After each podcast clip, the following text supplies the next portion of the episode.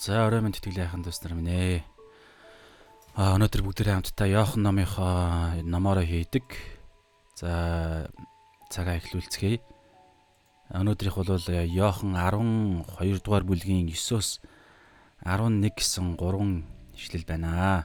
За бигээд тэгээд галс юун дээрээ а шеэрлэт хий профайл дээрээ за төрүүлээгээрээ Та бүгд маань Библийг гаргах боломж байвал Библийг гаргаж ивэл сайн байна.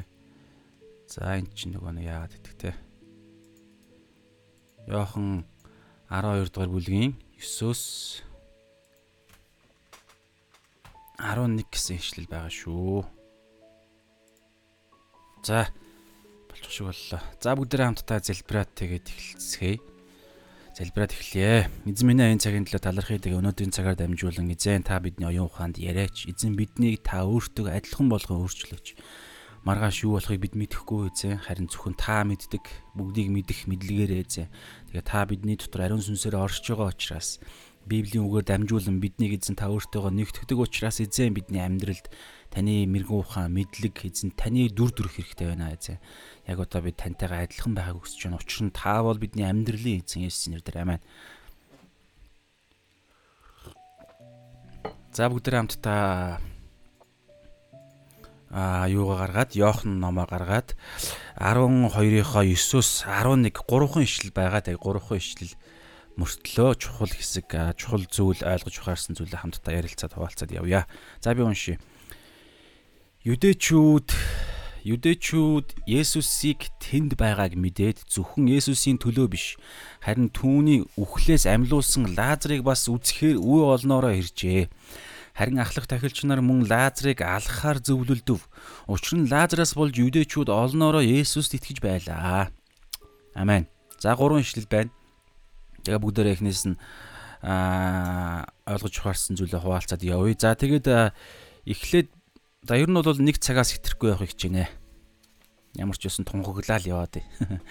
За тэгэхээр өнөөдрийн хэсэг дээр бол урд нь хэлсэнчлэн Йохан 12 дугаар бүлгээс эхлээд Есүсийн дэлхий дээр амьдрал за одоо өхлөөс өмнөх 7 хоногийн амьдрал нь одоо хэлж байгаа.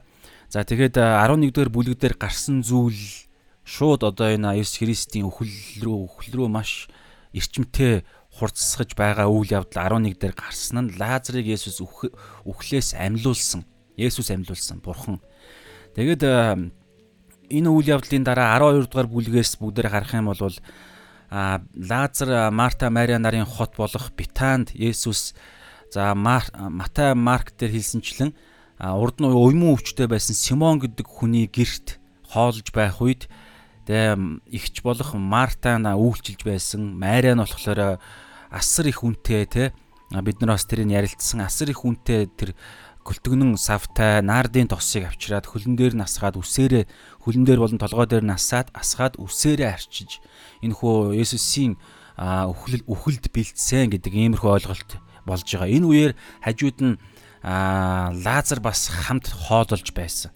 За яг энэ үйл явдлыг юдэчүүд Есүсийн тэнд байгааг мэдээд гэж байгааз тэнд гэдэг нь тэр Симоны гэрт гэсэн үг шүү дээ. Бетанд байгааг мэдээд Тэгээ юдэчүүд за энэ юдэчүүд гэдэг нь хинбэ гэдэг дээр бол ер нь бид нар бол мэдж байгаа те юдэчүүд гэхээр яг ерөнхийдөө бүх Израиль юдэ хүмүүсүүдийг хилж байгаа боловч а ер нь бол тэднийг хилж байгаа. Тэгээ тэр дундаа онцгойлон а өмнөх 11 дээр байгаа те за би олох нь үгүй. За энэ өдрөөс эхлэн 11-ийн 53 дээр энэ өдрөөс эхлэн тэд Есүсийг алхахаар төлөвлөв. Тиймээс юдэчүүдийн дунд дахин ил явсангүй. За тэгээд садукачууд болон нөгөө нэг 47 дээр тэгтэл ахлах тахилч нар болон фарисеучуд зөвлөлд цуглаж тэгээд хоорондоо ярилцж байгаад тэгээд саяны 53 дээр хэлсний дагуу энэ өдрөөс эхлэн Есүсийг алхахаар төлөвлөсөн. Яг ийм нөхцөл байдалтай байхад тэдний чихэнд бол те Есүс Битанд за Иерусалимаас ойролцоогоор 2 2.8 ч юм уу ойролцоогоор 3 км-ийн зайтай ойрхон байдаг Битанд осхонд Есүс байна гэдэг юм сонссон байгаа тий. Тэгээд өвхөд дөрөв онцгсон байсан Лазарыг Есүс амьлуулсан байна. Бид нар олон хүн үзлээ.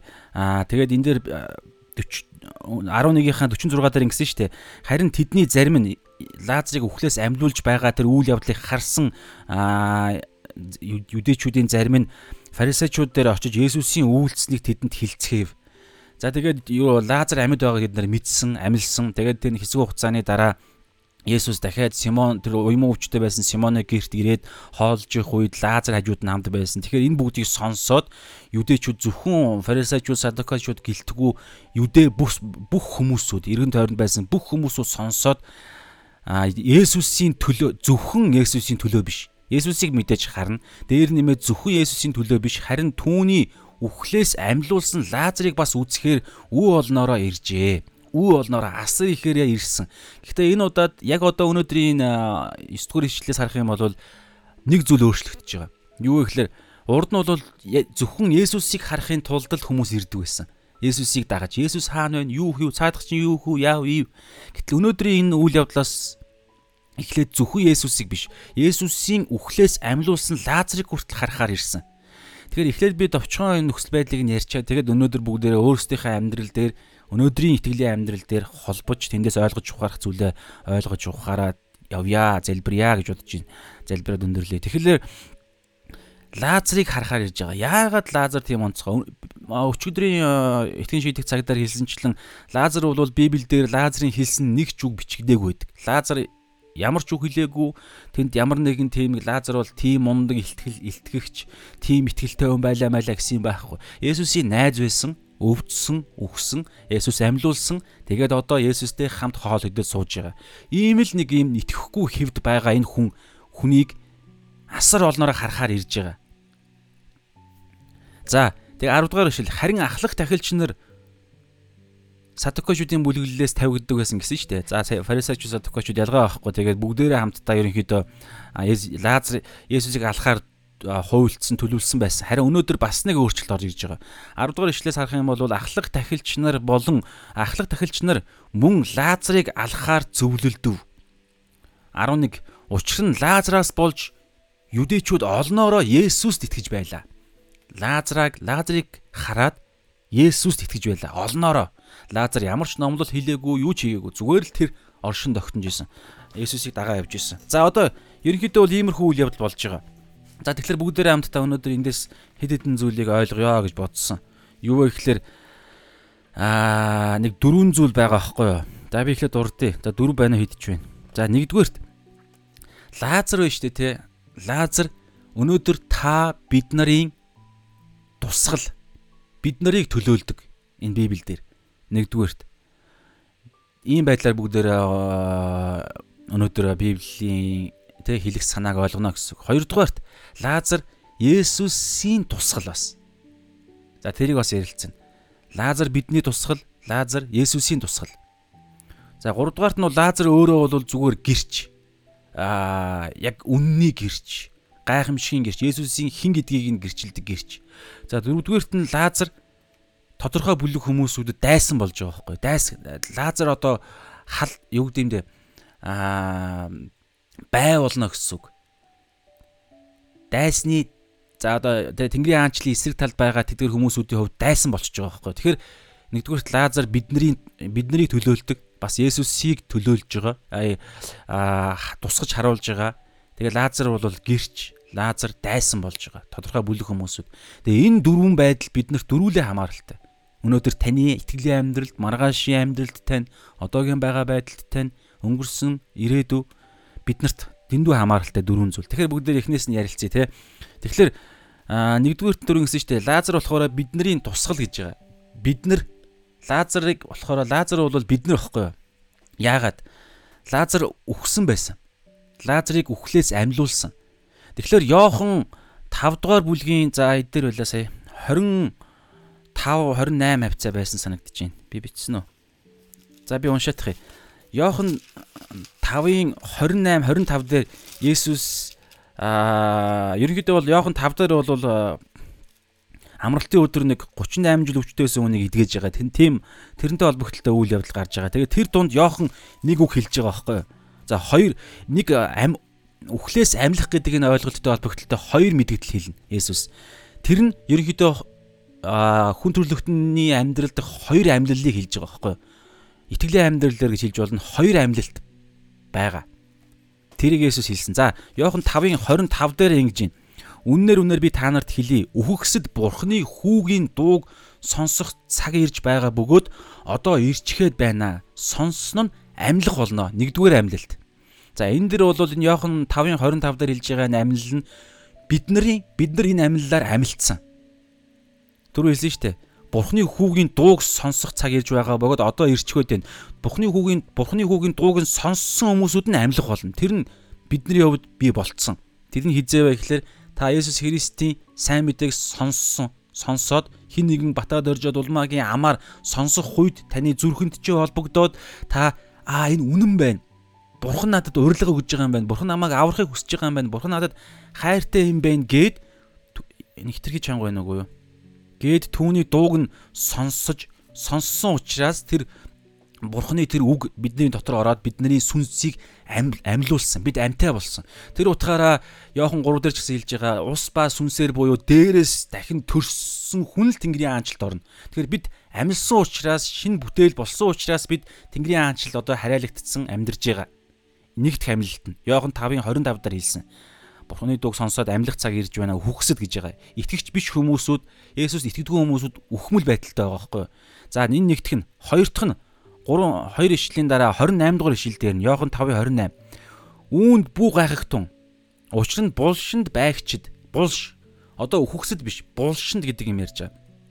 Булшинд байгчид бүгдээрээ түүний дууг сонсон 29 дугаар ишил гарч ирэх цаг ирж байгаа гарч ирэх цаг ирж байна. Сайныг үйлдсэн нь амийн амьлалт, муу муухайг үйлдсэн нь ялын амьлалт байх болно. Энэ хоёр дахь амьлалт нь. Есүс хуйлаа байхгүй юу? Хоёр дахь амьлалтны эзээ гэхээр яг булш ярьж байгаа. Хүн болгон цаг нь болохоор өхөн. Тэгээ үхснийхэн дараагаар нь бид бүгдээрээ булшинд орно гэдэг ойлголт байгаа. Газрын цээжинд за ямар нэгэн байдлаар үхнэ л гэсэн ойлголт. Тэгээд хоёр дахь удаага бас Есүсийн дууг сонсоод тэр нь хизээний дуу гэхээр Есүс хоёр дахь удаага шүүхээр ирнэ. Амил амийн амьлал уу, ялын амьлал уу? Аль нь вэ гэдгийг шүүхээр ирнэ. Гэхдээ тэр нь хизээ шийдэгдэх вэ гэхээр эхний эрэлтээр нь шийдэгдсэн. Түүхэндээ бол 30 онд за одоо тэг оноос 33 он ойролцоогоор бидний амьдралын үед хизээвэ гэхээр сайн мэдээ одоо энэ дэлхий дээр амьдарч их хугацаанд сайн мэдээ сонсно уу үгүй юу гэдгээс шалтгаалж хоёр дахь ирэл дээрээ өххүү өхийн ялын амьлал уу амийн амьлал уу гэдгийг шийдэхээр ирэх үед энэ дэлхий дээр хүм хүн төрлөختөө амьд тухайн хүн амьдарч явах хугацаанд сайн мэдээг Есүсийн дууг сонсоод аврах шийднээ болгосон нь үгүй юу гэдгээс шалтгаалж хүн төрлөختний түүхэн цаг хугацааны үед хоёр тугадагаа Есүс ирэх үед эхний ирэл дээр нь өгсөн урилгыг авсан уу үгүй юу гэдгийг гэдгээс шалтгаалж хоёр ямаа хонь ямаагаар нь хуваана гэж байгаа. Тэгээ тэр үед булшнаас бүх хүн амьлна. Ийм хоёр төрлийн амьлт ирж байгаа. Тэгэхээр Лазарыг түрүүн бид нар эхнийх нь бид өөрсдөө бидний дүр зураг бидний төлөөлөл гэж ярьсан шүү дээ. Тэгэхээр Лазар болохоор Есүсийн найз байсан. Есүст итгэсэн амьд байхдаа. Дараагаар нь Есүс түүнийг үхсдээс амьлуулсан. Хоёр дахь амьлалт амьлалтын тусгал болгож амьлуулсан баггүй? Гэхдээ Лазарын хувьд онцгой тохиолдлоор ерөнхийдөө аа бараг 3 амьлалаар амьлж байгаа гэсэн санаа бас байж болохоор баггүй юу? Лазар энэ дэлхий дээр хоёр дахь удаага амьлчаад Хоёр дахь удаач юу вэ те? Одоо яг энэ 11 дугаар бүлэг дээр гарч байгаа лазер гараад ир гэж хэлэх үедээс лазер гарч ирээд тэгээд амьтай болсон. Одоо энд Есүстэй хамт хооллоод идээд ярилцаад сууж байгаа. Тэгэхээр ингэснийхэн дараагаар нь лазер нэг хэдэн жил амьдраад уламжлалаар бол ойролцоогоор нь 20 30 жил амьдраад тэгээд насныхаа эцэст үхэж байгаа. Тэгээд булшинд орно. Тэгээд одоо бол одоо 2020 онд одоо бол лазер тэр үхсдийн орон гэж байгаа диважин гэж ярьж байгаа тэр авраамын үүр гэж ярьж байгаа газар бүх итгэгч нартай хамт байгаа шүү дээ. Тэгээд Есүс Христийн хоёр дахь ирэлтийн үеэр лазер ч гэсэн амьлна. Тэгэхээр лазерын хувьд онцгой тохиолдолд 3 удаа гэж ойлго ярихад нэг буруутахгүй байх. Тэгэхээр бид нартай яагаад холбож байгаа вэ гэхээр та 11 дээр санаж байгаа бол ингэсэн шүү дээ. Мария, Марта хоёр за Марта дээр илүү ярьчих. Марта ингэсэн шүү дээ. Есүсийг ирж явааг харангуутлаа шууд ирэнгүүтлээ эзэн та хэрв энэ дуу найраа чанга бол манайха хэлээрэ гайгүй бол яах вэ? Энэ дээр нь улаан хитрээд байгаа байхгүй юу?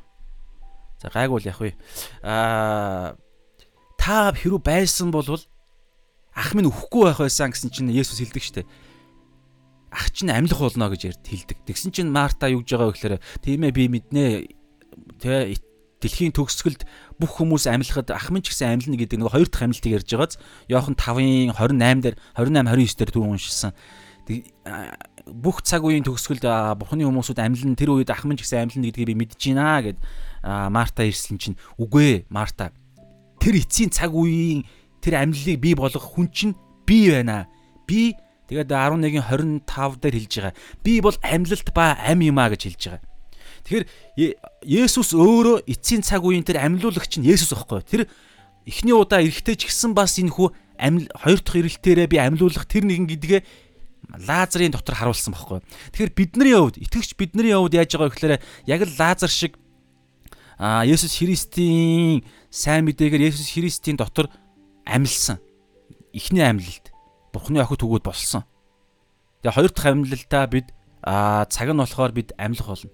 Тэгэхээр Лазар бол биднийг бид нарыг төлөөлдөг. Хаанчлалын аа хаанчлал дотор Йохан 3 дээр хэлсний дагуу сүнс ба усаар дээрээс Тэнгэрийн хаанчлалаас дахин төрсөн төрсөн бид өөрсдөө төрөхөд оролцоогүй а бурхан биднийг төрүүлсэн гэдэг ойлголт. Тэгэхээр энэ нэгтгэнд энэтэй холбогдлолтой нэг ишлэлийг бүгдээр харъя. Аа за тэрнээс наан одоо хоёр дахь нь ярих хэрэгтэй юм байна. Тэгж яагаад хоёр дахь дээр дөрөв хэлсэн шүү дээ.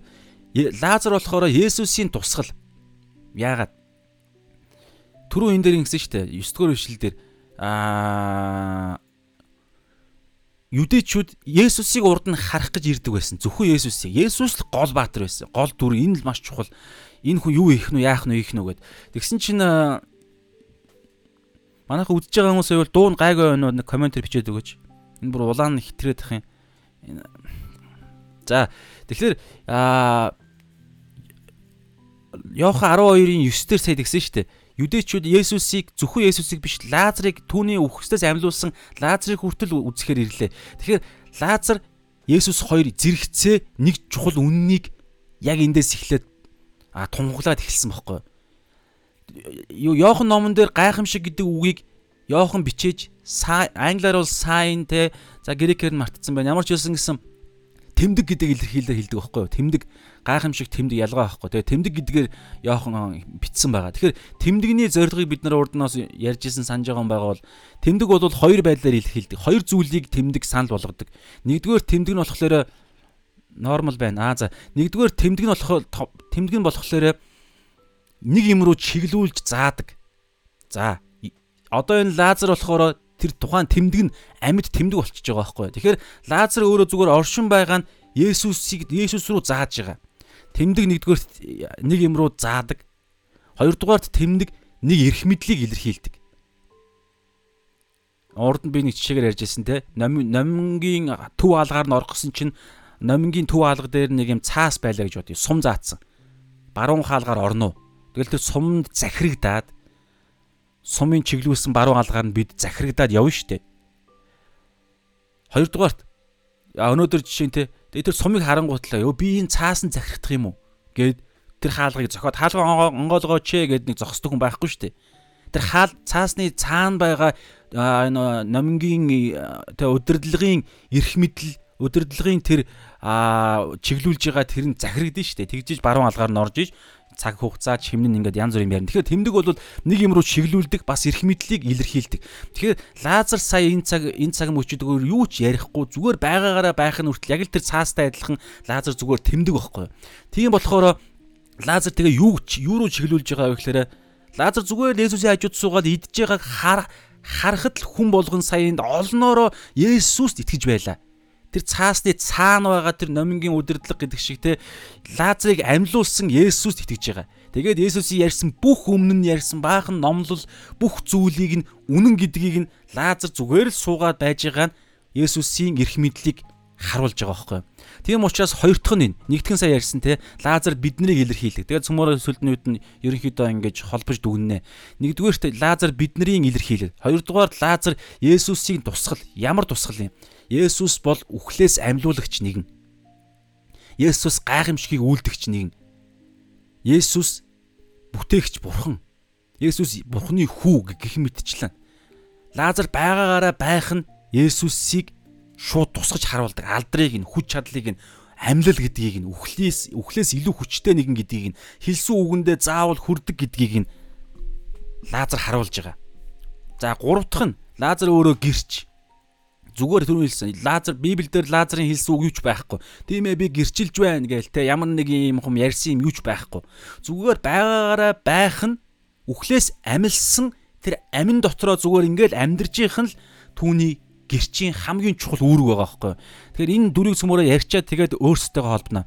Гурав дахь нь Есүс Лазарын байгаагаараа байгаал тэр амин дотор шин бүтээл Йохан 3 дээр хэлж байгаа бурхнаар бүтээгдсэн тэрхүү шин бүтээл дотроо оршин тогтножийнх нь Лазарын хувьд гэрчийнхаа үүргээ биелүүлж байгаа гэсэн үг. Гурав дахь нь Лазар дайсан болж байгаа. Хиний хувь дайсан байх гэхээр харанхуун хүч гэж хэлж болно. Чөтгөрийн диаволын хаанчлал гэж хэлж болно. 2 дугаар Коринт 4-ийн 4-дээр байгаа энэ 90 үеийн бурхан гэж байгаа энэ 90 үеийн бурхан а Эфес 6-гийн 12 дээр болохоор а тэнгэрлэг оршуудах ёрон юм уу сүнслэг хүч гэж байгаа. Тэгээ илэрлэл нь болохоор захирагчд хүч, эрх мэдлэр энэ дэлхий дээр илэрдэг. Тэгээ зарим тэгээд бүр наатлын илэрлэл нь болохоор мах бодоор илэрдэг хүмүүсүүд. Гэхдээ Эфес 6-гийн 12 дээр бол тэр махуд нь бид махуудаар илэрж байгаа хүмүүс нь бидний дайсан биш. Цаана байгаа сүнслэг хүч, ёрон юм уу сүнслэг хүч бол бидний дайсан гэж байгаа. Тэгэхээр тэр харанхуун хүчний хүчний хувьд лазер дайсан болчихж байгаа байхгүй юу. Тийм учраас та өнөөдрийн сүүлийн ишлэг бүдээр харъя. 11.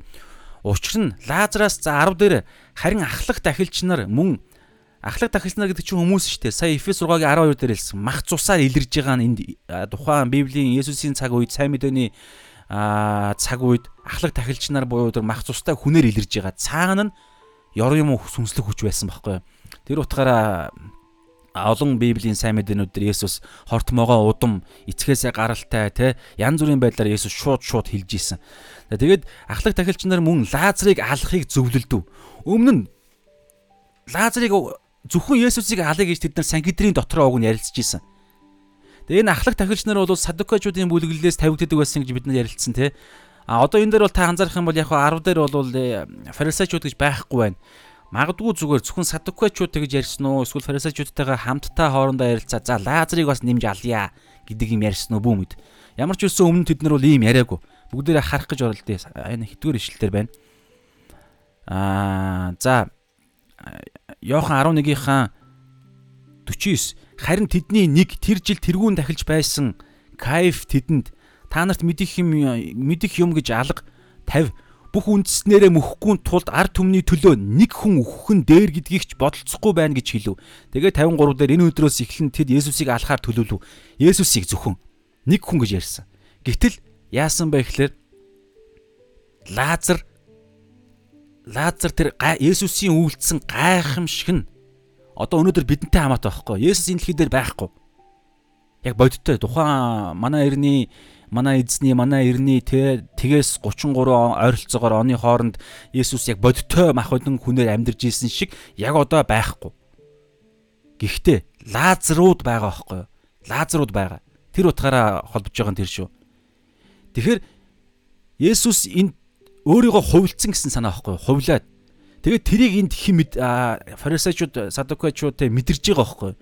Тэгэнгүүтлээ зөвхөн Есүсийг алах гэдээсэн чинь өө эн чинь хардаа бүр ингээд энэ өгсөн ч гэсэн лазер нь тэгээ лазер ингээд цаашаага за сүүлдээ бүр 12 элчнэр ч гэсэн тэднийг алах гээд оролдсон. Тэгээ сүүлдээ бүгд ерөнхийдөө алдаг штеп.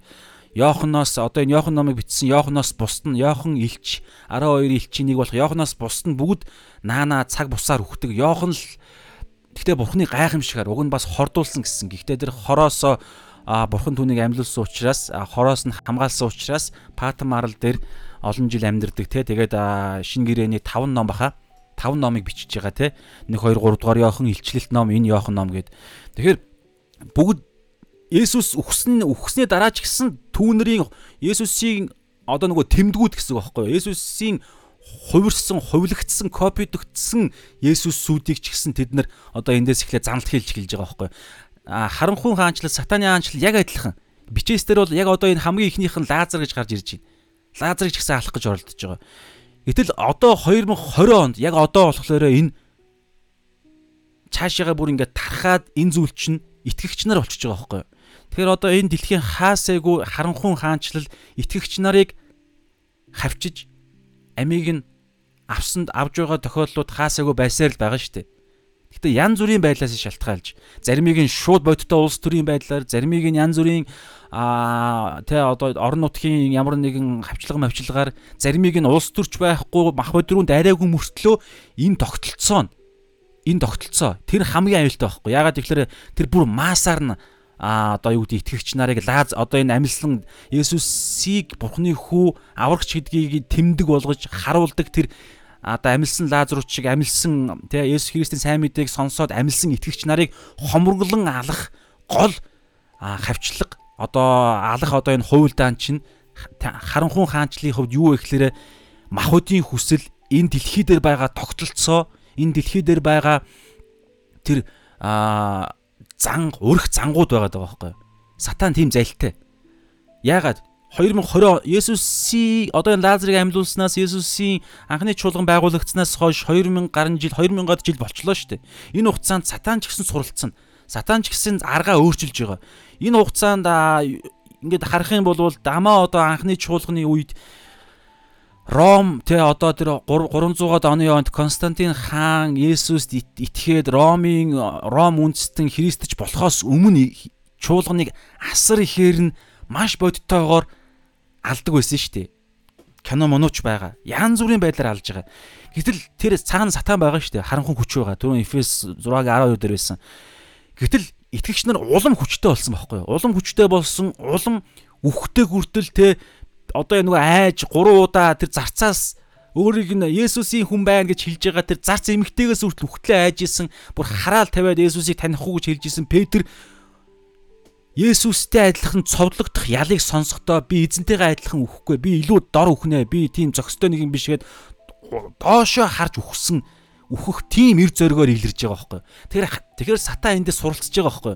Мах өдөр нь хавчих юм бол итгэгч нар улам хүчтэй болдог. Яагаад вэ гэхээр тэнд чинь маш бодтой тэр дайсан тодорхой гараад ирж байгаа байхгүй. Маш бодтой Есүсээ чи эсэргүүц гэж хэлэх үед өө хардаа Есүсийн эсрэг байгаа гарууд байх нь байж штэ ч гэдэг юм уу янз бүрийн байдлаар зүгээр тэгээд үгүй үгээд тэгээд Паул хэлж байгаа штэ өөхөх нь ололт гээд тэ би боломжтой бол би яг одоо ч гэсэн эзэн дээрээ очимоор байна Гэхдээ та нарын төлөө би энд байхыг илүүд үзэж байна гэж ярьж байгаа. Тэгээд олон удаа Паул ч нүхэлтэй нүр тулсан дээ. Чулуугаар цохиулж исэн, янз бүрийн өхөл зовлон эдэлж исэн. Тэгэхээр тийм учраас чөтгөр арга аргаа өөрчилж байгаа байхгүй. Зүгээр ингээд юу гэдэг улс төр мөрөлтөр шашны элдв янзын юмар ингээд хавчлага ирэхээр итгэгч нар улам хүчтэй болоод байна. Юун дээр тэ цагтлууд дээр ч гэсэн байгаа шүү дээ. Зовлон зүдгүүрэн төвчээрийг төвчээр нь туршлагатай байлыг туршлагатай байдал найдварыг найдвар нь урам хугалдаггүй. Тэгэл ерөнхийдөө тэр итгэлийн галаар шалгагдах мэт итгэлийн галаар ороод шижир болдог тийм мөн чанартай а шин бүтээлүүд байхгүй бид нар чинь. Тэгэхээр бид одоохондоо зүгээр яг өөрсдийнхөө шин бүтээлээ анзаараагүй таньж мдэггүйгээсээ болоод зүгээр хавчлага мавчлага гэхээр жоохон айгаад айх баг. Гэхдээ яг хавчлах нь зүгээр би зүгээр юу гэдэг магадл маягаар ярьж байгаа шүү дээ. Зүгээр хавчлага ирлээ гэж бодоход бидний оюун ухаан яана гэж бодож болох боловч яг цаг нь ирэх үед бид маш хүчтэй болно зүгээр.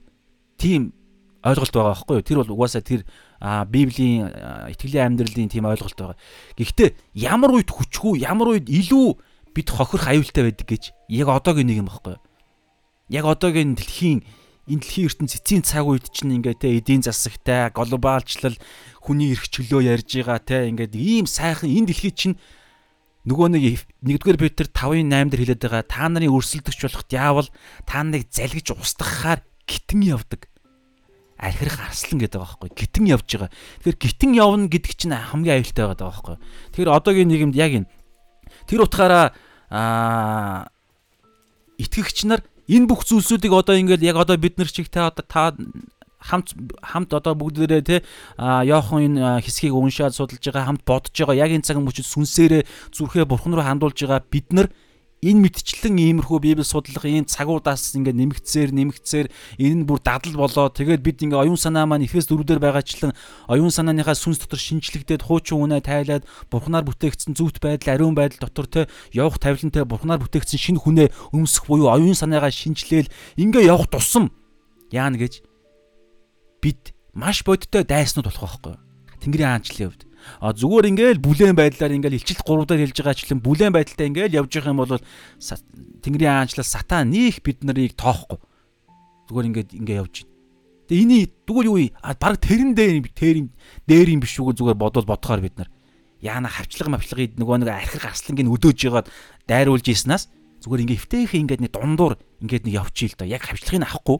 Гэхдээ хаанчлаас урахгүй ингээд дундуур ингээ явчих Тэгэхээр заавал энэ Библийг судлаад аймаар те нөгөө сатан биднийг аа энэ инх тайван батад орж одулмаа одоо энэ араа үннээ мэдчлээ. Одоо энэ аюултай болох нь за сориод байгаарэ гэдэг тийм юм өдөө өдөөхөөс наагур эвтэйхэн ингээд нэг явчих гэдэг тиймэрхүү бодуулах гэдэг зүгээр. Гэтэл тийм юм юусоо байдгүй гэж байгаа байхгүй. Библиэлд тийм юус ярьдаг. Нэг л зам байгаа гэж ярьдаг. Нэг л зам эвтэйхэн дундуур нь ингээд нэг те өргөн зам нарийн замын голоор нэг юм бут муттай те нөгөө нэг юм зүлэгтэй нэг замаар нэвтэйхэн ингээд явдаг зам гэж сүнслэг амьдрал дээр л байхгүй гэж Библи өөрөө Есүс өөрөө байн хэлж байгаа.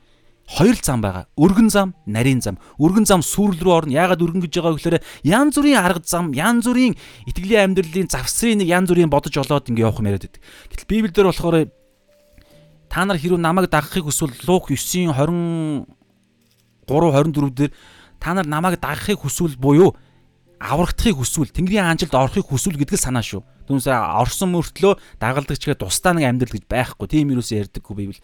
Тэгэхээр та нар аврагдахыг хүсвэл Тэнгэрийн хаанчлалд орохыг хүсвэл Бурхны огт өгвөл болохыг хүсвэл өдөр бүр гэж байгаа. Өдөр бүр өөрийгөө үгүйсгээд буюу өөрийгөө өхүүлээд өөрийгөө хуучин хүнээ махуудын хүслээ загалмай дээр хадаад гэсэн өдөр болгон эн чин тодорхой оюуны энэ Эфес 4 дээр хэлж байгаа хуучин юма тайлаад шиний өмсгийн тодорхой бидний энэ шийдэл шүү оюун ухааны. Тэгэхээр өдөр бүр өөрийгөө үгүйсгээд өөрийгөө өхүүлээд загалмайгаа үүрээд намайг даг гэж байгаа. Загалмайгаа үүрнэ. Ямар загалмай? Есүсийн амьдрсан амьдралын зорилгыг өөрийнхөө амьдралын зорилгоо болгоно гэсэн үг шүү дээ. Загалмаа юу ярьдгийг үхлийн амьдрал. Яах гэж өгч байгаа? Энэ дэлхийн ертөнцийн төлөө Есүс өгсөн. Тэгэхээр бид ч гэсэн тийм зорилгоор энэ дэлхий дээр амьдрна гэсэн үг. Тэгвэл үхэл амьд амьд амил үхүү амих уу гэд амилах уу гэдэг нь үхүү амьд байх уу гэдэг нь эзэн эзний мэдэлд. Эзэн хизээч гайхалтай хаанчлалынхаа хүчрхэж байгаа те яг одоо бэлтгэгдэж байгаа хоёуг дуулга өмсцэн нэг нэг өмсөх нь маш чухал байхгүй. Тэгээ өмсцэн нэг нэг эзэн өхүүлэхийг хүсэхгүй байхгүй. Стратегийн хувьд энэ нь маш буруу ойлголт. Тийм учраас би зүгээр тэгтээ цаг нь болоод өгсөн ч гэсэн үхлээс айхгүй байх зүйлийг дараагийн ишлэлээр ярьж байгаа байхгүй. Луг 9:23 дээр нь 24 дээр нь ч юм уу. Хэрвээ хин нэг энэ дэлхий дээр байгаа амиа хамгаалахыг хүсвэл түүнийг алдах болно. Маш нарийн дунд нэг юм байгаа байхгүй юу. Амиа хамгаалж байгаа тэр сэтэл чинь өөрөө Есүсийг амьдралынхаа эзэн биш би би энэ дэлхий дээр байгаа тэр нэг зүйлийг үнцэнтэй тооцож байгаа жижигхэн энэ нэг юм хандлага энэ чинь чөтгөр дорн мэдэрнэ өөрөө энийг чинь анх бий болгож байгаа шүү дээ. Тийм учраас тэрийг чинь шууд ашиглаад бид бурхнаас холдуулах гэж оролдоно. Тийм учраас бүх зүйлээ амиа хүртэл хайрладаггүй байх чинь өөрөө Тэнгэрийн хаанчлалын ард иргэдийн хамгийн гол төлөв байдал байгаа байхгүй юу? Гимгүү байх хамгийн чухал гимгүү байхтай могоо шиг мэрэгүү ухаантай дактаа шиг гимгүү гэж байгаа.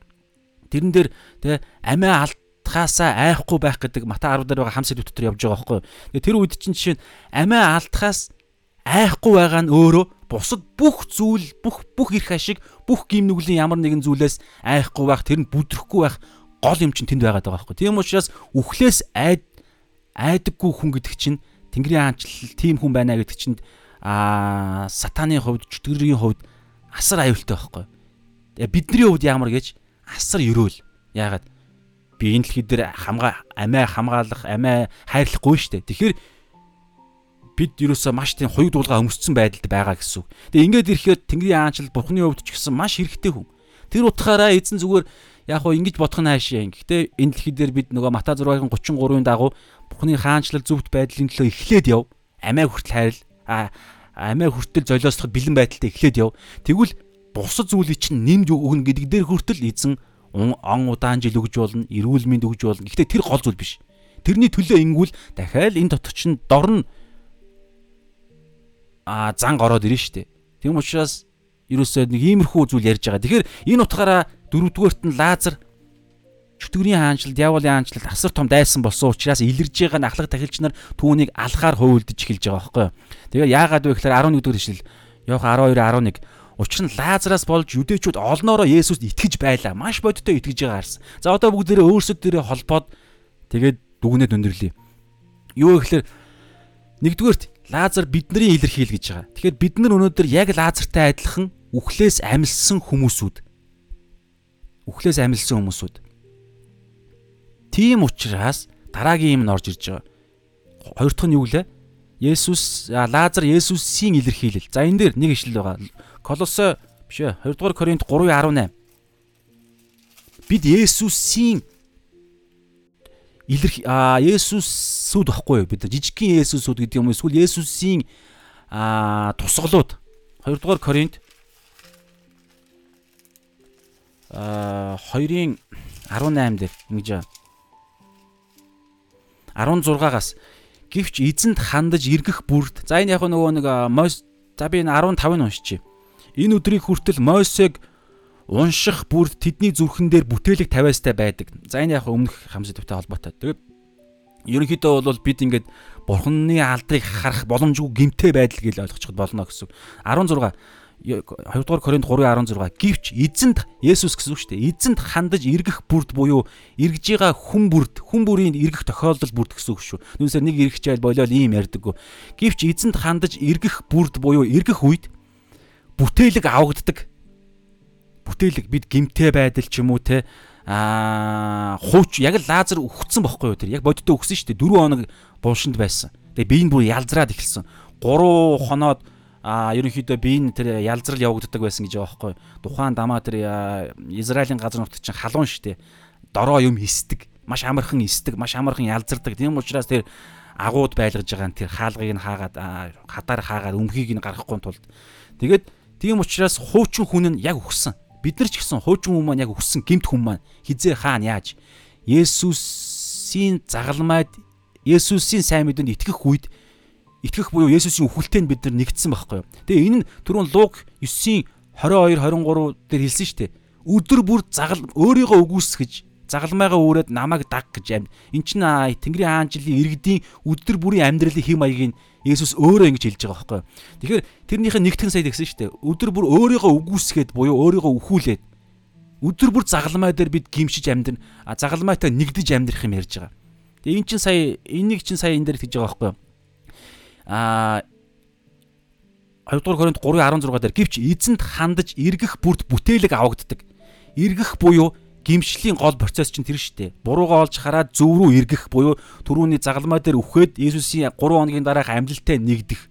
Өдөр бүр энийг ийм төлөв байдал донд оюун санаагаа бид ингэж ажилуулж сурах хэрэгтэй байгаа байхгүй. Ян зүрийн юм ирэх үед ян зүрийн юм ирэх үед бид үхүүлэх хэрэгтэй. Түрүүн Матай 18 дээр хэлж байгаа те нүд чинь биднийг бүдрүүлээд байвал ухаж аваад хай гар хөл чинь бүдрүүлээд ухаж аваад хай гэж ярьж байгаа нь яг тэр хүслээ өхүүлэх юм ярьж байгаа байхгүй. Яаж өхүүлэх юм? Яг загалмай загалмайтай бид нэгдэж өхүүлэхгүй бол би гимтэй хүний шүүлтээр шүүлдэж би тамд очих ёстой шүү дээ. Тийм учраас би шууд тэр хүслээ өхүүлж Есүстэй хам загалмай дээр хадна би өгчлээ гэдэг ойлголт ярьж байгаа. Тэгээ энэ мэдчлийг ингээд бид тооцож тооцоолох тийм бодиттой тийм сэтгэлгээний маш чухал байгаа байхгүй.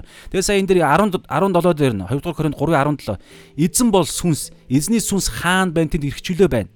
18 харин бид бид бүгд бүтээлэггүй нүрээрээ за бүтээлэг авагдсан. Есүсийн цусаар бид зөвтгөгдсөн загалмай дээр Ром 10-9 10 дээр бас байгаа. Түүнд итгэснээрээ те өхлөөс амьсанд итгэснээрээ зөвтгөгдсөн гэж байгаа. Тэгээ зөвтгөгдсөн буюу бүтээлэг авагдсан. Яг бодиттой нүрээрээ харах боломжтой болсон. За тэгэнгүүтлээ харин бид бүгд бүтээлэггүй нүрээрээ эзний алдрын тусгалыг Есүсийн алдрын тусгалыг толдох мэт хараад толинд хиний нүр одоо би толь руу харахад толинд хиний тусгал харагдах уу? Миний тусгал харагдана шүү дээ. Хэрвээ би толинд өөрийгөө харангуут л өөдөөс танихгүй харагдвал аимшигын киноны л хэсэг болох бах те. Тэгэхээр би өөрийгөө харна гэсэн үг. Гэхдээ энэ дээр та хардаа бүтээл 18 2 дугаар Коринт 3:18 харин бид бүгд бүтээлэггүй нүрээрээ эзний алдрын тусгалыг Есүсийн алдрын тусгалыг толдох мэт хараад өөрийгөө харж байгаа мөртлөө Есүсийн алдрын тусгал над руу харагдаж байгаа. Тэгэхээр би шин бүтээл би бид нар шинэ бүтээл болсон байгаа байхгүй. Тэгэхээр тэр нь Есүсийн алдар алдаршсан шин бүтээл. Тэрний алдаршсан гэдэг ойлголт юу ярьдаг вэ гэхээр үхлээс амилжиж Есүс алдаршсан Бурхны хүү гэж алдаршуулагдсан гэж Ром 1 дээр байгаа байхгүй. Тэгэхээр бид өөрсдөө өнөөдөр Есүсийн дүр төрхөд байхгүй. Түрүүн хэлсэн Лазар үхлээс амилсан Лазар Есүсийн тусгал байхгүй. Йохан 11-ийн 25 дээр хэлсэн шүү дээ. Би бол амьлалт ба ам юм. Тэгэхээр Лазар ч нөөрөө Лазарыг харах болгонд Есүсийн амьлалт ба ам гэдгийг хүмүүс тусгал болж харна гэсэн үг. Тэгэхээр бид нар бас ялгаа байхгүй. Бид өнөөдөр Тэнгэрийн хаанчлал Бурхны охид хүүгүүд болоод амьдарч байгаа. Яг дахин яг Тэнгэрийн хаанчлал Йохан 3-ын дагуу охид хүүгүүд нь болоод ус ба сүнсээр сүнсээр нь үнэхээр дахин төрсөн үү гэдэг асуулт хамгийн чухал. Үнэхээр төрсөн болвол бид зүгээр Лазар шиг оршин тогтнож байгаа нь хүмүүс хараад асар олноороо Есүст итгэхээр итгэж байлаа гэж түрүү хэлсэн шүү дээ. Тийм учраас ахлах дахиж нар Лазарыг хүртэл алах гэж оролдож байгаа. Тэгэхээр ийм үр дүн биднээс гарах тавилантай, мөн чанартай, дуудлагатай удахгүй ийм зүйл болох ёстой байхгүй болно. Хэрвээ бид нар Тэнгэрийн хаанчлалд яг амилдсан, яг Лазар шиг амилсан нэгэн мөн л бол үр жимсээрээ мод танигдна гэдэг шиг яалтчгүй хүмүүс биднийг хараад Есүсийг харж эхэлнэ гэсэн үг. Тэгээ цаа энэ дээр тэгж 2 дугаар Коринт 3:18-ыг дуусгах юм. А харин бид бүтээлэггүй нүрээрээ эзний алдрын тусгалыг толдох мэд хараад түүний дүрд Есүсийн дүрд эзний сүнсээр нөгөө түрүүн 17 дээр хэлсэн шүү дээ эзний сүнс бол эзэн бол сүнс эзний сүнс хаана байна тэнд эрх чөлөө буюу чөлөөлөлт байна гэж байгаа. Тэгэхээр Есүсийн дүрд бид эзний сүнсээр алдраас алдарт өөрчлөгддөг. Эзний сүнс хин бидний дотор байгаа ариун сүнс. Тэгэхээр ариун сүнсээр амьдрах гэж ярьж байгаа. Ром 8-ын 4 дээр. Тэгэхээр ариун сүнсээр бид амьдрах амьдрж байж л өнөөдөр бид Есүсийн дүр төрхтэй адил болж улам илүү алдраас алдарт өөрчлөгдөнө. Тэгэхээр Есүс Христэд үнэхээр шин итгэгч яг а та бол Христ амьд бурхны хүү гэж байгаа энийг маш зүгээр нь ойлгоод яг шийдвэрээ гаргаад тэрүүгээрээ амьдарж байгаа шин итгэгч байхад ч гэсэн шууд нэг шинэ алдарт алдрын төлөв байдалд очиж байгаа байхгүй юу? Шууд Тэр утгаараа анх шин итгэгч нар маш галтай байдаг те ингээ янз бүрийн тэрхүү. Тэгэхээр шин итгэгч нар чинь нэг алдрын төлөв байдалд байгаа. Тэгвэл сүнслэг ойлголтоор бол яг физиологийн биеэр хүүхэд балчир дөнгөж төрсөн хүүхэд балчир байдагтай адилхан сүнсэн ч гэсэн янз бүрийн ойлголтоор балчир байгаа. Тийм учраас ариун сүнсээр нь Есүсийг толдох мэд Библиэс олж харсан энэ амьдрал чинь давтагдах давтагдах тусам бид алдраас алдарт буюу бидний шин бүтээлийн алдар чинь дараагийн алдар, дараагийн алдар. Ингэж явсаар явсаар балчир хүүхэд 90 цент хүрсэн төлөвшсөн дайчин болох тийм зоригтой байхгүй. Тэгээ эннийх нь зориг нь яах гэж ингэж байгаа вэ гэхээр Матай 5 дугаар бүлэг дээр байгаа. Маш чухал ойлголт. Матай 5 дээр жишээ нь ингэж байгаа. Давс ба гэрэл гэдэг дээр гарч иж байгаа байхгүй. За 14-өөс та нар ертөнцийн гэрэл мөн ариун сүнстэй бид нар дахин төрсөн мөн бол та нар ертөнцийн гэрэл за уулан дээрх хот нуугдж үл чаднаа. Бид ерөөсөө тэр энэ мөн чанараасаа бид цухтаах боломжгүй. Эн чинь бүр бидний мөн чанар. Өнөөдөр Монгол хүн ямар байлаа те одоо хүн болвол бид нар одоо муухай а өмхий мэддгүү амттай мэддэг гэдэг мөн чанар байна те. Тэгээ бид нар эрүүл байхыг хүсдэг те. Бид одоо юу гэдэг ингээл хүний мөн чанар байгаа шүү. Тэрнтэй адилхан бид гэрэл давс байх тийм мөн чанартай байхгүй. Инээсээ бид урвах юм бол энэ энийг хүсэхгүй байх юм бол нэг бол бид ийм мөн чанартай хүн буюу дахин төрсөн дахин төрөөгүй байна. Эсвэл маш балчир байна.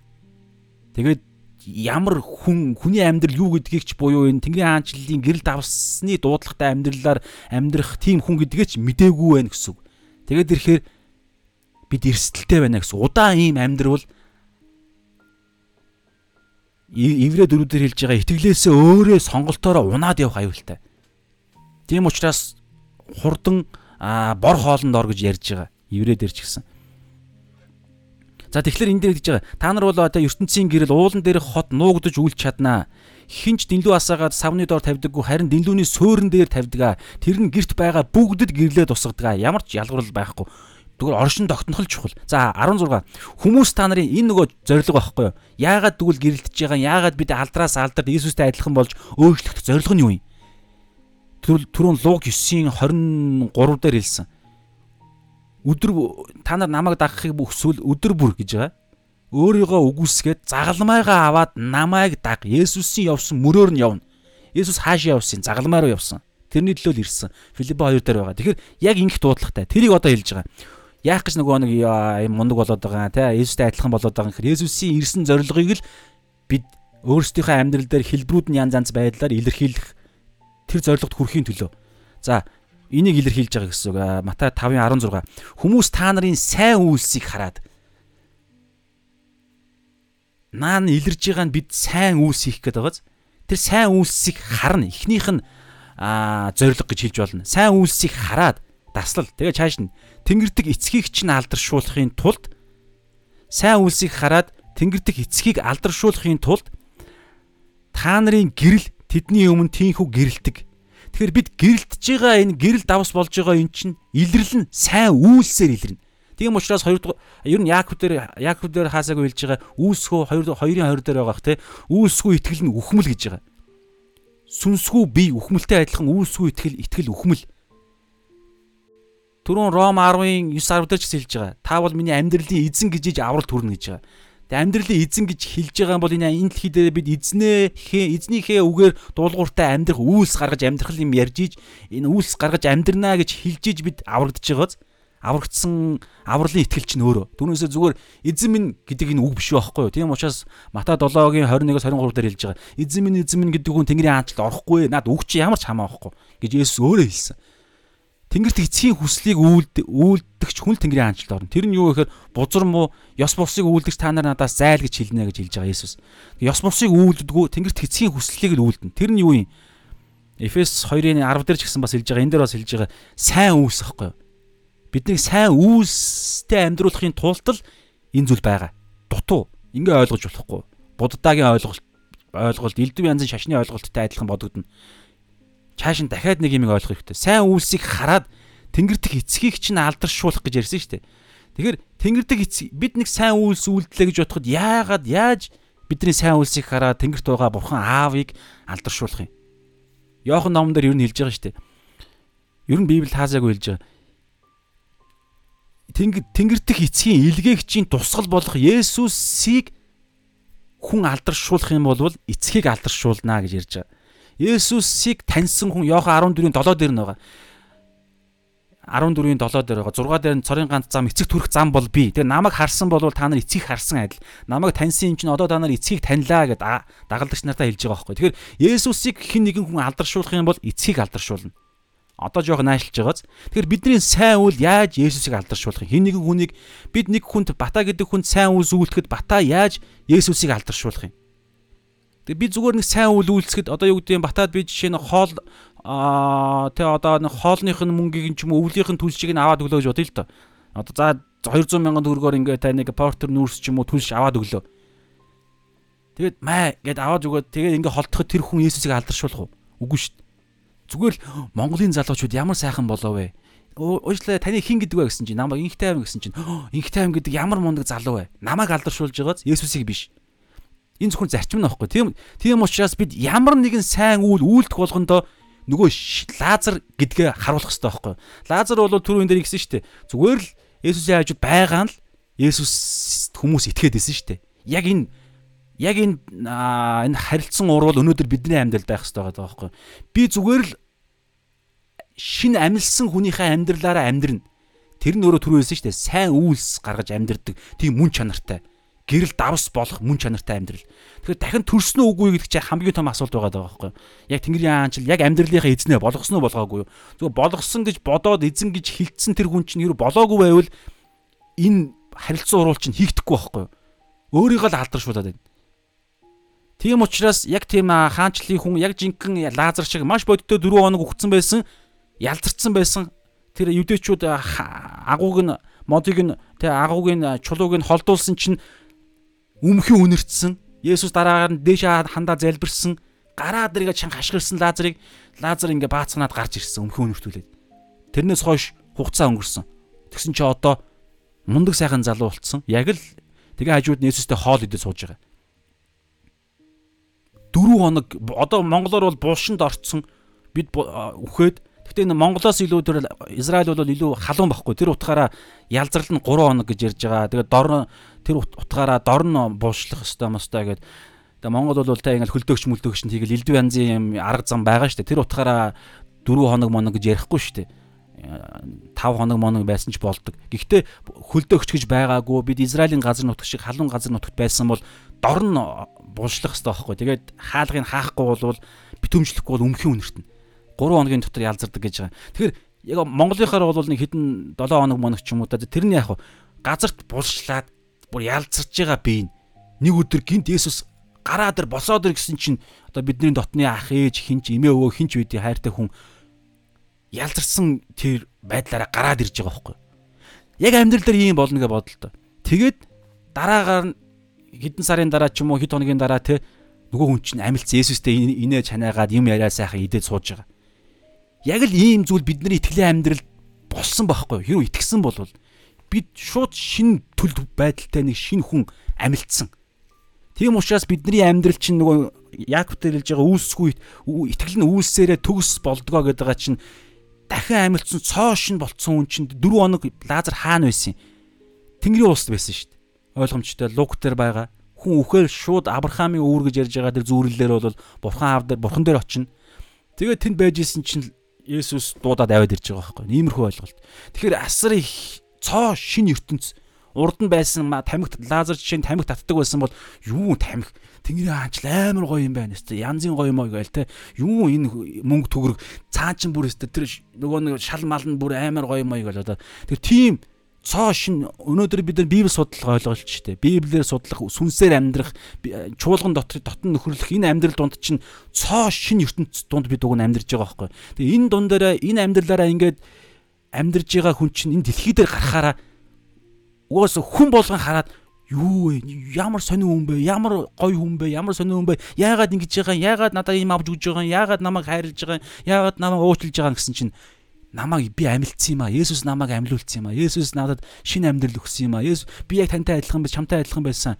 Есүс намайг ийм цоо шин ертөнцийн рүү намайг оруулсан гэж хэлнэ гэсэн үг шүү дээ. Зүгээр байгаагаараа юм шин зохиож ярихгүй шүү дээ.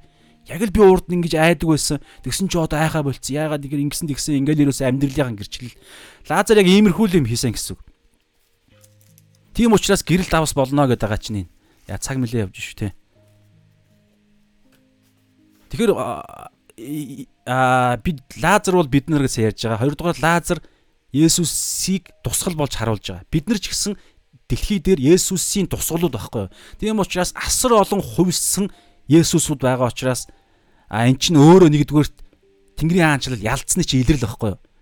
Энийг зогсоохын тулд л Есүсийг загалмаа дээр өхүүлэхгүйг оролдож чөтгөр дөнгөж үйлчлэл нь эхлэх үед цөлд гурван сорилтоор сорж байгааг хамгийн сүүлд нь чи надад мөрөх мөрөгч. Тэгвэл би загалмаад өгөх шаардлагагүй. Энэ дэлхийн ертөнцийг бүгдийг чамд өгье гэж хэлсэн шүү дээ. Мөрөгч гэд. Хуурах гэж оролдож байгааз бас чинь Есүс ч хүн байсан шүү дээ жинхэнэ хүн жинхэнэ бурхан. Тэгээд тэр хүнийх нь ойлголтоор нь хүртэл байж болох ямар гогцоо байна тэрүүгээр нь л сатан ял Тэнгэрийн хаанчлалын амжилтанд хүрэхийг цосоох гэж оролдож байгаа байхгүй. Тэрнийх нь нэг илэрлэн дөрөв ярьсан. Бидний хамгийн гол нь хуваа хичээх үзэлч нь өөрөө махуудын хүсэлгээд байгаа. Тэр нь илэрж байгаа хамгийн наан илэрдэг юм нь мөнгө байхгүй юу? Мөнгөний шунал, эд баялаг. Мата дээр хэлж байгаа 6 дээр байгаах те хоёр эзэн зэрэг үйлчлж чадахгүй. Нэг бол бурхан, нэг бол маммон гэж англи дээр байгаа. Монгол хэл дээр бол эд баялаг гэж ярьж байгаа. Тэгэхээр цаана эд баялагийг чинь судлах юм бол цаана явсаар явсаар явсаар хуваа хичээх үзэл байхгүй би би гэдэг үзэл. Би амьдралын эзэн. Яг л Адам Ява хоёр эдийн цэцэрлэгт бурхантай адилхан болох гэж бурхныг дээрээ биш би юусо би тэр чигээрээ л би энэ дэлхий дээр эзэн бай гэдэг. Тэр нэг сайн мог бүдүүлэгч модны жимс нь бурхан тэр нэг энэ дэлхий дээр бүрэн эзэн байхад нь зогсоох гээд байгаа юм шиг ойлгуулсан бохгүй юу? Бүх энэ нэг юм намайг хориглоод байна. Энэ нэг зүйл би ингээд намайг биднийг ингээд нэг юм Тэ одоо юу гэдгийг бүрэн эрхчлөөтэй байлгахгүй байх гад байна ч гэдэг юм уу те.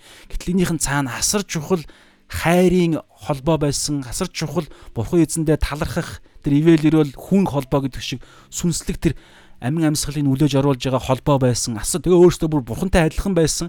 Чөтгөр болох илүү бурхантай адилхан болно гэж хэлсэн. Эдсэн бурхантай адилхан байх болон төлөв байдлаас бүр унаад чөтгөртэй адилхан болсон. Тэгээд тийм учраас эдийн цэцэрлэгээс хөөгцсөн.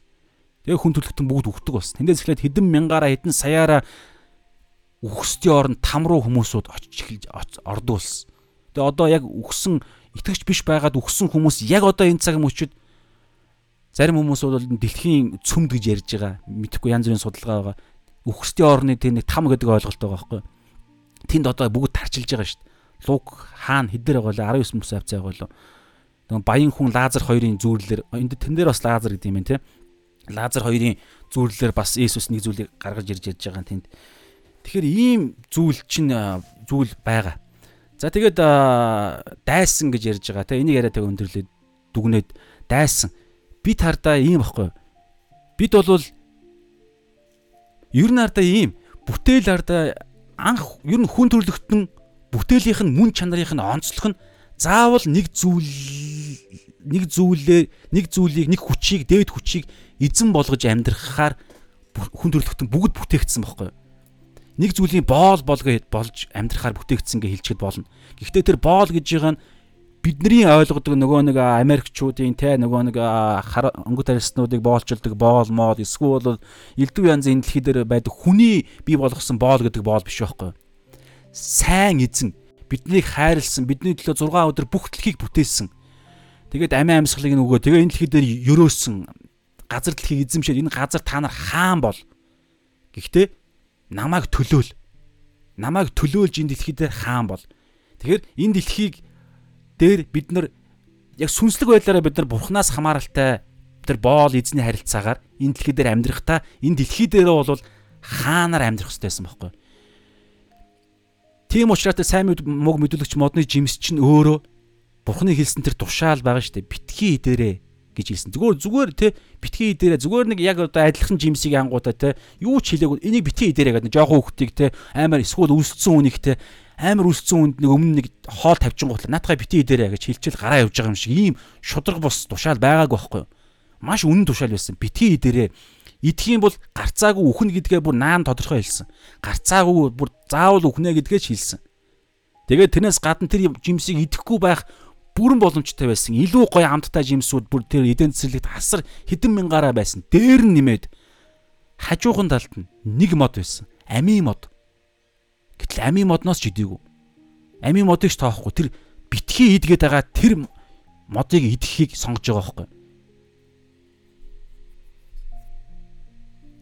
Тэндээс эхлээд нөгөө бүтээлийн мөн чанар чанар төрөө хэлсэн шүү дээ. Бид нэг дээд хүчийг хүчний хүчнээс хамааралтай байхаар ягаад амин амьсгалыг нь бурхан гэж үлээж оруулсан шүү дээ. Тэгээ амин амин хүртэл биднийх биш учраас амийг минь өгсөн. Тэгээ бид нар бүх зүйлийг бүтээж өгсөн. Энэ бүтээлээ эзэн өөрөө ингэж ажилуулж байгаа гэж ярьж байгаа. Эзэн ажилуулхаа болчихл юм бол хүн төрлөختөн бүгд нэгэн секундын дотор бүгд оршоо болох байхгүй.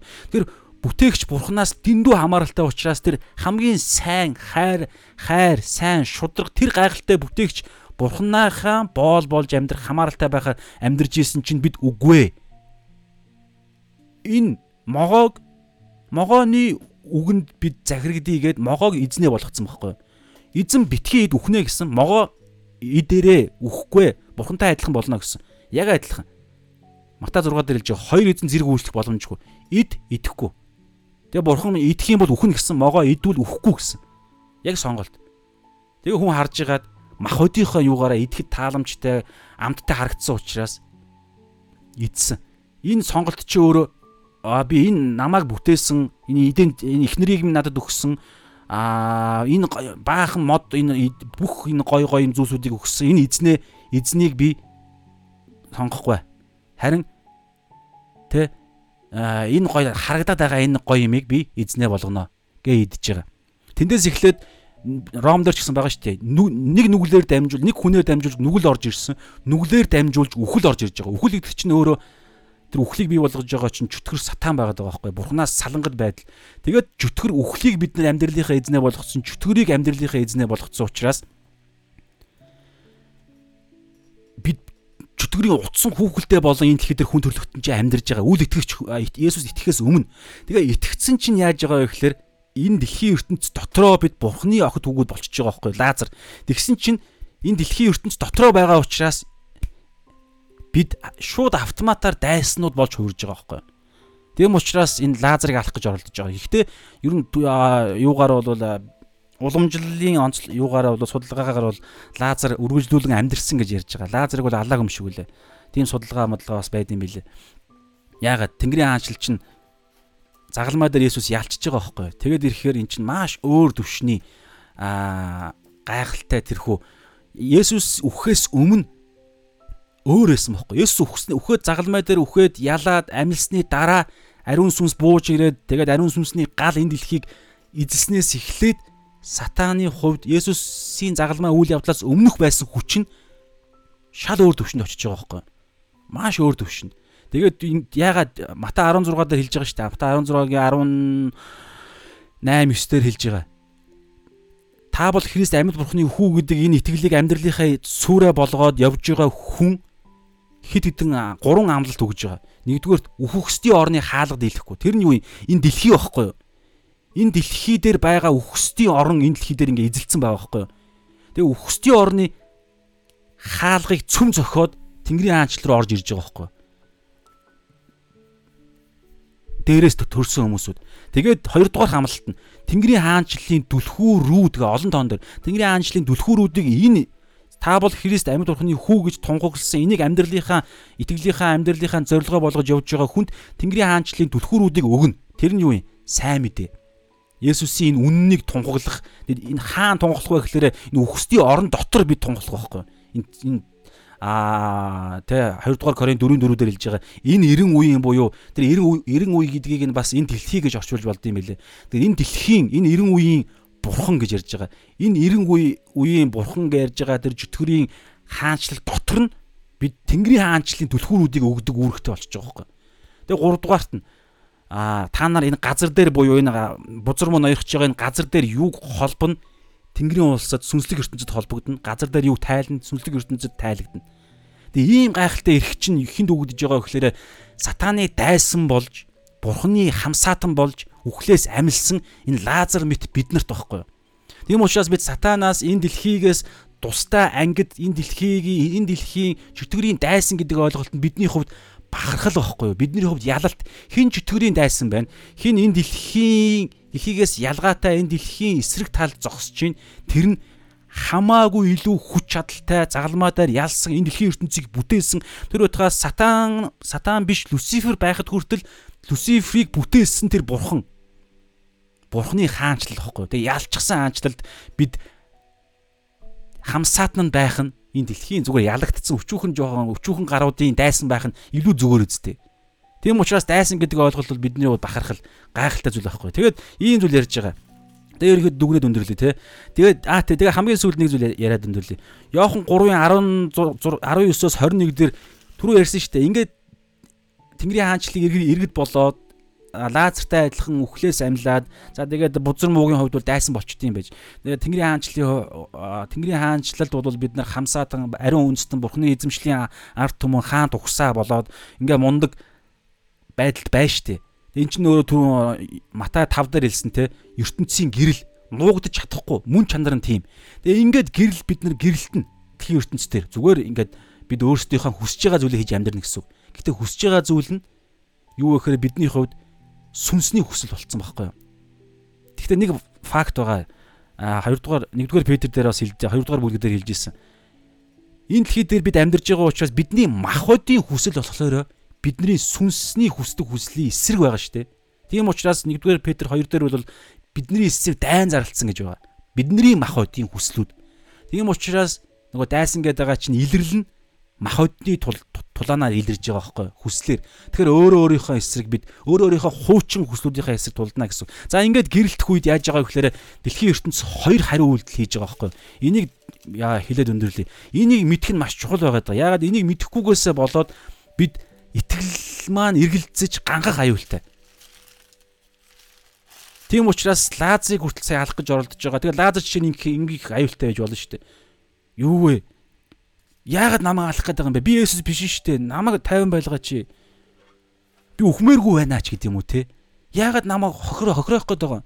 Есүсийг ална гэчээд тэгээ Есүс та нарын дайсан биз дээ. Би та нарт ямар гай хийсэн юм ийсэн. Яагаад надад дайраад байгаа юм? Ээ мэдсэн болвол баг баг ингэх үү яах вэ? Мэдсэн бол тэ мэдсэн бол Есүст найзалдгүй л байж. Мөрөөрөө амьдарч байгаад нэг 50 50 60 жилээ амьдарчдаг байж.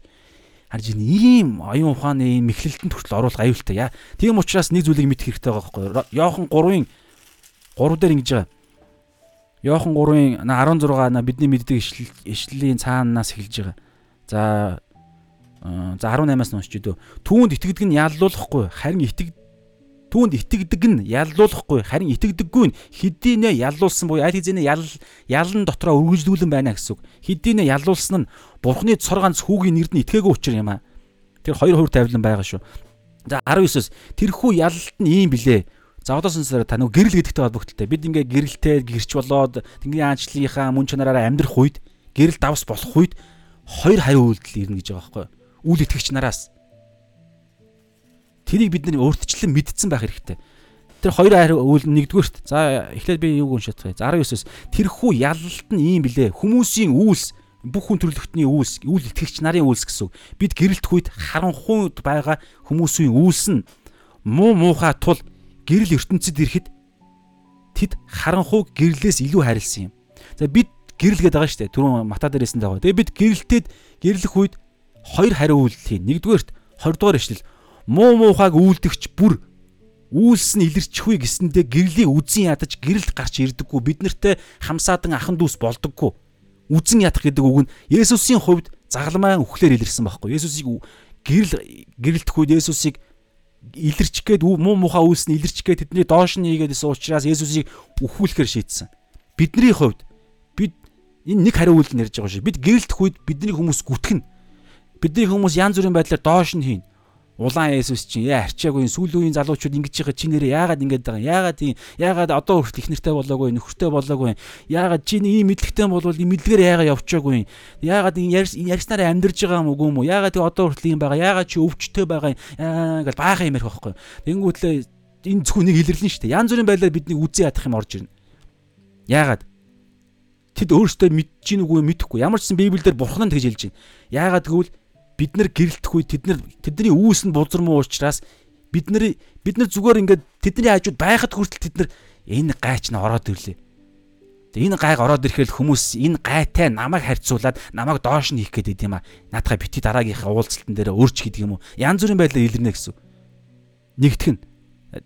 За хоёр дахь нь бид гэрэлтэх үед бид бол юусоо ямар илэрх нь хамаа байхгүй бидний лөө ямар байдлаар тэд нэр хариу үйлдэх нь хамаа байхгүй бидний мөн чанар байгаа шүү дээ бид сонголтч байхгүй уулан дээрх хот нуугдж чадахгүй гэж байгаа шүү дээ тэгэхээр бид бол зүгээр гэрэлтэн сайн сайхны төлөө. Гол зорилго нь эцгийг алдаршуулахын тулд тэгтээ эцгийг алдаршуулахын тулд хүү алдарших ёстой. Хүүг алдаршуулахын тулд түрүүн хүмүүсүүд түүнд итгэж ижил итгэсэн хүн нь эзнээ алдаршуулна шүү дээ тэгэхээр хин нэгэн хүний авралын төлөө бид зүгээр гэрэлтэн. За тэгэхээр нэгдхэн түрүүнийх ярьсан. За хоёр дахь нь 21 дугаар ишлэл Иохан 3:21. Харин үннийг үлдэгч гэж ярьж байгаа. Тэр нь үүс нь бузар муу түрүү ингэсэн шүү дээ. А 19 дээр тэрхүү яалт нь ийм илээ. Хүмүүсийн үүс муу муухай тул ертөнд хүмүүс бүх хүмүүсийн үүс 20 дээр бас муу муухайг үлдэгч бүр гэж байгаа. Тэгэхээр хүн бүр муу муухайг үлдэгч шүү дээ. Тэгэхээр 21 дээр ингэж шүү дээ. Харин үннийг үлдэгч гэдэг нь муу муухай хүн болго муу муухайг үлддэг. Тэгэхээр 21 дээр хэлж байгаа үннийг үлдэгч гэдэг нь муу муухайг үйлддэг маань үний юм байна гэдгийг ойлгосон нэгдүгээр. Хоёрдугаар дасал, хоёрдугаарт үйлс нь бурхны дотор үйлдэгдсэн гэдгийг ил харуулахын тулд миний муу муухайг үйлддэг гэдэг маань би үний юм байна нэгдүгээр. Хоёрдугаарт энийг энэ гэрэл асаалтад асаалттайч бай, асаалтгүйч бай. Энэ итгэгч хүн миний хажууд ирсэн ч бай, ирээгүй ч бай. Бурхан намайг мэдж байгаа юм байна яаж сайн библиэлд хэлж байгаа шүү дээ. Ром 3 дээр жишээнтэй зөвхт хүн гэж нэг ч алга хүн бүр нүгэл үлдсэн тул Бурхны алдарт хүрдэггүй. Нүглийн хулс бол үхэл гээл. Тэгэхээр энэ бүх зүйлсийг бид хэлж иж муу мэдээг нь эхэлж хэлж иж тэдгээр хүмүүс чинь өө би ямар муу муухай юм бэ. Хоёрдугаарт өө тэгээд би нэг хичнээн худлаа сайн үйлс мүс хийх гээд эсвэл ингээд энэ сайн мэдээ тараагч над дээр уулцсан ч уулзаагүй ч Бурхан тэгээ мүс чанар нь бас Ром дээр байгаа. Мүс чанар нь тэр хүмүүсүүдэд бурхан байдаг гэдгийг илчилдэг гэж байгаа байхгүй. Тэр хүн болгон анзаарах юм бол яг цагаад болохаараа дээд хүчнээс аврал ирдэг байхгүй. Тэгэхээр тэдгээр хүмүүсүүд тэдгээр байдлууд нь аа бидний үүс бурханы дотор үйлдэгдсэн гэдгийг ил харуулахын тулд гэрэлд гарч ирдэг. Бидний өмнө өөрийгөө хүлээн зөвшөөрөөд авралын залбирал хийнэ гэсэн үг. Цуглаанд явах урилгыг минь авна гэсэн үг. Есүсийг амьдралынхаа аврагч эзнээ болгоно гэсэн үг. Бид нар бол зүгээр нэг хийдэг юм аа л юм. Гэхдээ хоёр хариу үйлдэл ирнэ. Нэг нь хавчин. Хавчиж байгаагаасаа болоод бид өө гэрэлтгэ бодъё гэж бодох нь өөрөө сатаныг ялалтанд хүргэж байгаа байхгүй. Тийм учраас энийг эзэн бүр өөртөө хэлж байгаа. Матад 10 дээр бол хэлж байгаа байхгүй. 12 элчнараа Есүс сонгочоод Матай 10 дээр байгаа. Тэгээд илгээх илгээж байгаа. Яа хүкснийг амьлуулах, чөтгөрийг хөөх, янз бүрийн гайхамшгууд үйлдэх эрх мэдлээ өгөөд илгээж байгаа. Мата 10 дээр байгаа. Тэгэнгүүтээ илгээх илгээх хэлж байгаа байхгүй. Би та нарыг сүрэг чонон дундах нэг хонь мэт илгээж гинэ гэж хэлж байгаа. Тийм учраас та нар могоо мэт мэрэгэн ухаантай тагтаа мэт гимгүү бай гэж байгаа. Дараа нь хэсэг ишлэлийн дараа явж байгаад хүмүүсээс болгоомжл гэж хэлж байгаа. Хин нэг нь та нарыг хавчвал өөр хот руу зүхтаа. Тэгээ эн чинь мэрэгэн ухаан ярьж байгаа байхгүй юу? Тэгсэн мөртлөө дараагаар та нар амиа алдахыг хүсвэл та нар амиа амиа аврахыг хүсвэл амиа алдна гэж ярьж байгаа нь нөгөө би түрүү ярьсан те нөгөө гимгүү байдгийг чи хамгийн суур ойлголт нь бол амиа хайрлах нь өөрөө бидний гимэнд оруулдаг байхгүй. Хэрвээ бид амиа хайрлаад байвал ам чинь янз бүрээр илэрнэ штэ. Ирүүл байхыг хүсч хэрхлэн. Цатглан байхыг хүснэ а нэр төрөө хамгаалахыг хүснэ. Янз бүрийн байдлаар тэр амь чинь илэрж байгаа байхгүй. Тэгэхээр амиа хайрлах гэдэг энэ ойлголт чинь энэ дэлхий дээр амьдрахад сатан энэ энэ амиа хайрлаж байгаа хүслийг чинь бидний гол аа тэ бид нар руу ордог онгорхой нөгөө тэ цайз хрими маань онгорхой хэсэг чинь энэ багхгүй. Энэ дэлхий дээр бид амиа хайрлж ивэл ам амми амми маань илэрх олон зүйлсүүдийг ашиглаж сатан бид нарыг мөнхийн амийг маань устгах гэж оролдно. Нэгдүгээр бид 5-8 дээр бидний залхихаар гитэн явдаг архир харслан гэж ярьж байгаа. За ерөнхийдөө иймэрхүү байдлаар ямар ч байсан бүгдээр өнөөдөр хэсгийг хараа тэгээд харлаа. Тэгээд ерөнхийдөө бол ганцхан өгүүлбэрээр бацах гэж хичээе. Тэгээд залбираад өндөрлөө. За юу гэж бацах вэ гэхээр өнөөдрийн бидний уншсан хэсэг бол Иохан 12-ын 9-оос 11 шүү дээ. Тэгэхээр